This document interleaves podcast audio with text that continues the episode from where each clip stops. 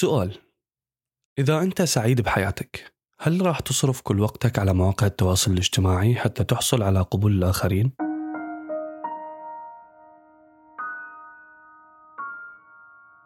وياكم فلان وهاي الصوتية الثالثة من عراقي بودكاست الموسم الثالث. واحد من أهم العناصر الموجودة بحياتنا هو الإنترنت وبالأخص مواقع التواصل الاجتماعي.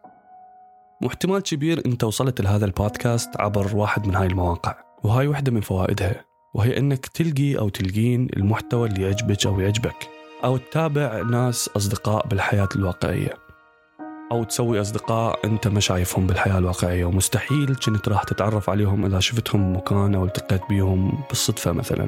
أو تتابعين أو تتابع شخصيات ملهمة إلك أو إلك أو تضحكك أو تفيدك. بس كلنا نعرف إنه أكو جوانب سلبية لهاي المواقع. هذا مو حكي جديد ومو أنا اكتشفت هذا الحكي.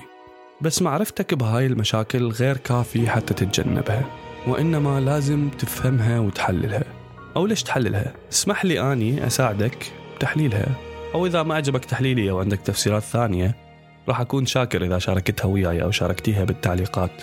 والاختلاف بالرأي لا يفسد الود قضية.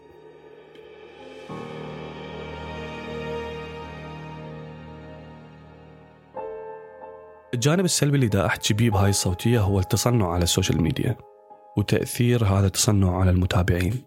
خليني أحكي لك قصة وحدة أجنبية صديقتي عن هذا الموضوع حتى نفهم الموضوع أكثر. شو تقول هي؟ تقول بيوم من الأيام صديقة إلي دزت لي رسالة لتقول لي بيها شقد هي تحس بالاكتئاب وشقد هي دا تحسدني على حياتي. وهي كانت تعاني من اكتئاب ما بعد الولادة وأثر بيها إنها كانت تشوفني أنزل منشورات تقريبا كل يوم. وتقول إنه أني أعيش أحلى حياة. بس اللي ما كانت تدري بيه هو إني كنت دا أعيش أسوأ أيام حياتي. بهذا الوقت أني انتقلت المدينة جديدة حتى أقدر ألقي مستقبل أفضل. وكنت هستوني خلصت جامعة ودا أدور على شغل وكلنا نعرف إيش قد صعب إنك تلقي شغل بعد التخرج. ما كان عندي فلوس وهستوني مخربة علاقة كان إلها مستقبل زاهر. وكنت عبء على أهلي لأن كنت دائما أطلب منهم فلوس وأشياء. تقول كنت أشرب ويا صديقاتي هواية وخلال الأسبوع لحد ما أسكر. وأتصور وياهم وأنزلها حتى يبين إني عايشة حياة حلوة. كانت حالتي النفسية سيئة جدا وحالتي الجسدية أسوأ. بس ولا واحدة من منشوراتي كانت تبين هذا الشيء.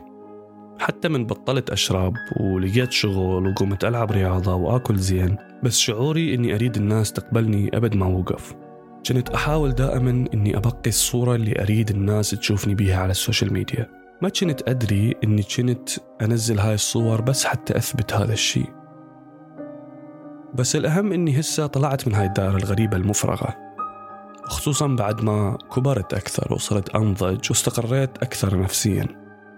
حاليا أني نادرا ما أنزل شيء على ال social media. وبديت أتقبل نفسي أكثر وأكثر. واكتشفت أنه ما أريد رأي أحد بيه ومو مهتمة لهذا الشيء لذلك قمت من أنزل صورة أو منشور وهذا الشيء نادر. أنزل من صدق دا أعيش لحظة سعيدة. حتى بالمستقبل من أباوع عليها أتذكرها. وبنفس الوقت مو على مود الناس تشوفها.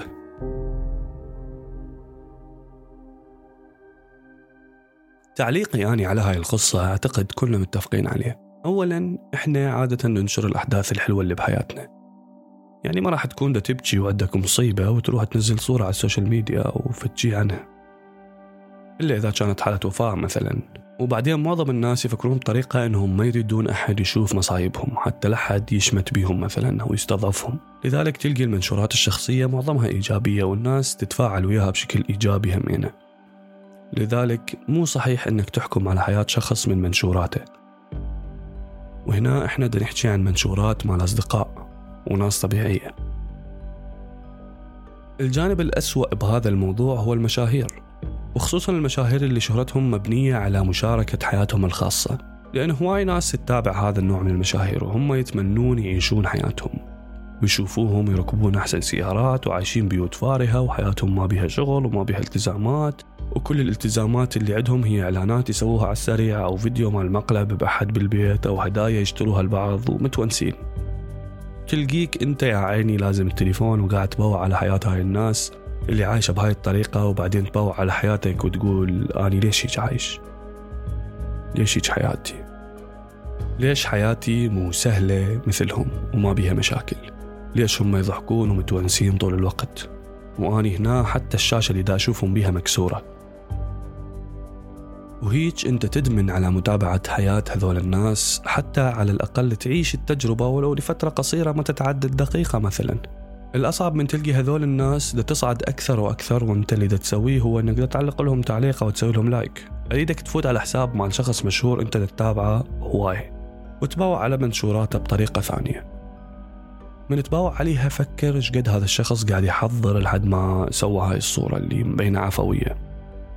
فكر ليش هذا الشخص دي ينشر هذا المنشور إذا ما كان على مود جذب اهتمام الناس مثلا؟ جذب اهتمام الناس مو هاي المشكلة لأن هذا الشيء مهم للمحتوى المتعوب عليه اللي عنده شيء يريد يوصله. بس شنو فايدة طلب الاهتمام من شخص ما عنده شيء يقدمه؟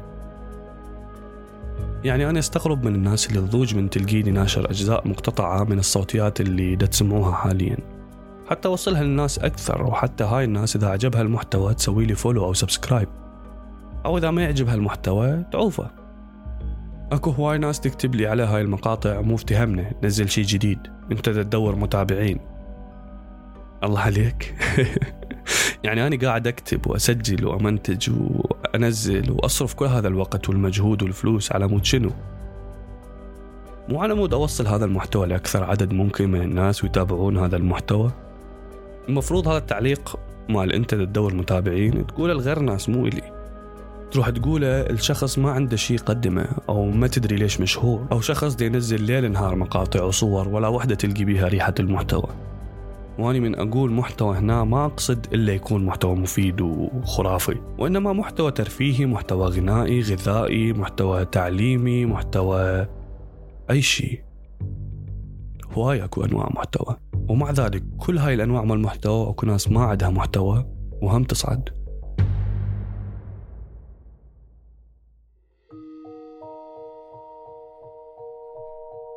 عندك هواي مشاهير كانوا مبينين إنهم عايشين أحسن حياة وكل شيء مدى يصير بحياتهم من مشاكل. وبعدين نكتشف إنه الوضع عكس عكس تماما. يعني أقرب مثال يجي ببالي اليوتيوبر أبو جوليا إذا تعرفوه. يوتيوبر مشهور كلش ويسوي محتوى طبخ نادر جدا. وشخصيته مرحة ومن يصور أحداث حياته تلقيه متونس ويضحك ويصور حتى كان رايح يحضر كأس العالم بقطر ويصور هناك ويا المشجعين ويقمز ويغني وكل شيء يسوي.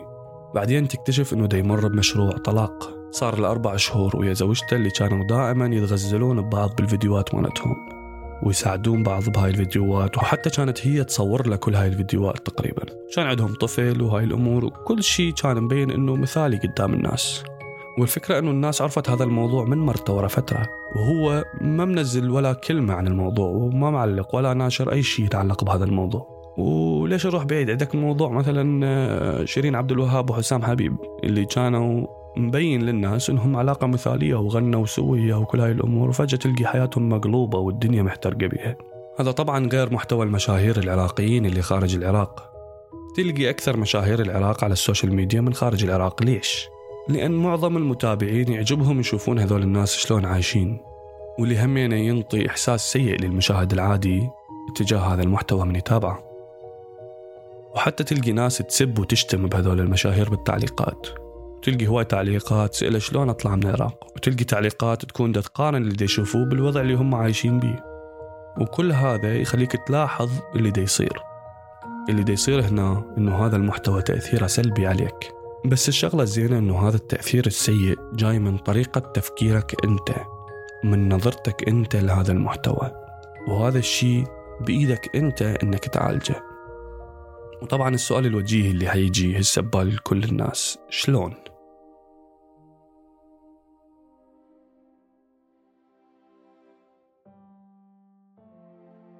اولا لازم تقنع نفسك إنه هذا المنشور اللي تتابعه بغض النظر عن إذا كان محتواه مفيد أو غير مفيد ما دا يشاركك حياته الحقيقية والله هذا الشيء لازم تكون مقتنع به ثانيا انت لازم تفهم انه هذا الشخص اذا كان عايش برا العراق فهو مستحيل يكون عايش الحياة الوردية اللي انت متخيلها. يعني أنا مثلا عشت معظم حياتي خارج العراق. والحد هسه دا أعاني من مشاكل تصريح العمل والإقامة والضرائب والعنصرية وغيرها وغيرها وغيرها. وطبعا هذا غير المشاكل الحياتية مثل الشغل والعائلة والدراسة والعلاقات العاطفية والصحية. كلنا تصير ويانا هيج مشاكل. بس المقصد إنك لازم تتذكر إنه كل شخص مشهور أو مو مشهور غني أو فقير عنده مشاكل عنده مشاكله اللي مزينة حياته بالحزن أو الزعل أو النكد أو الخوف.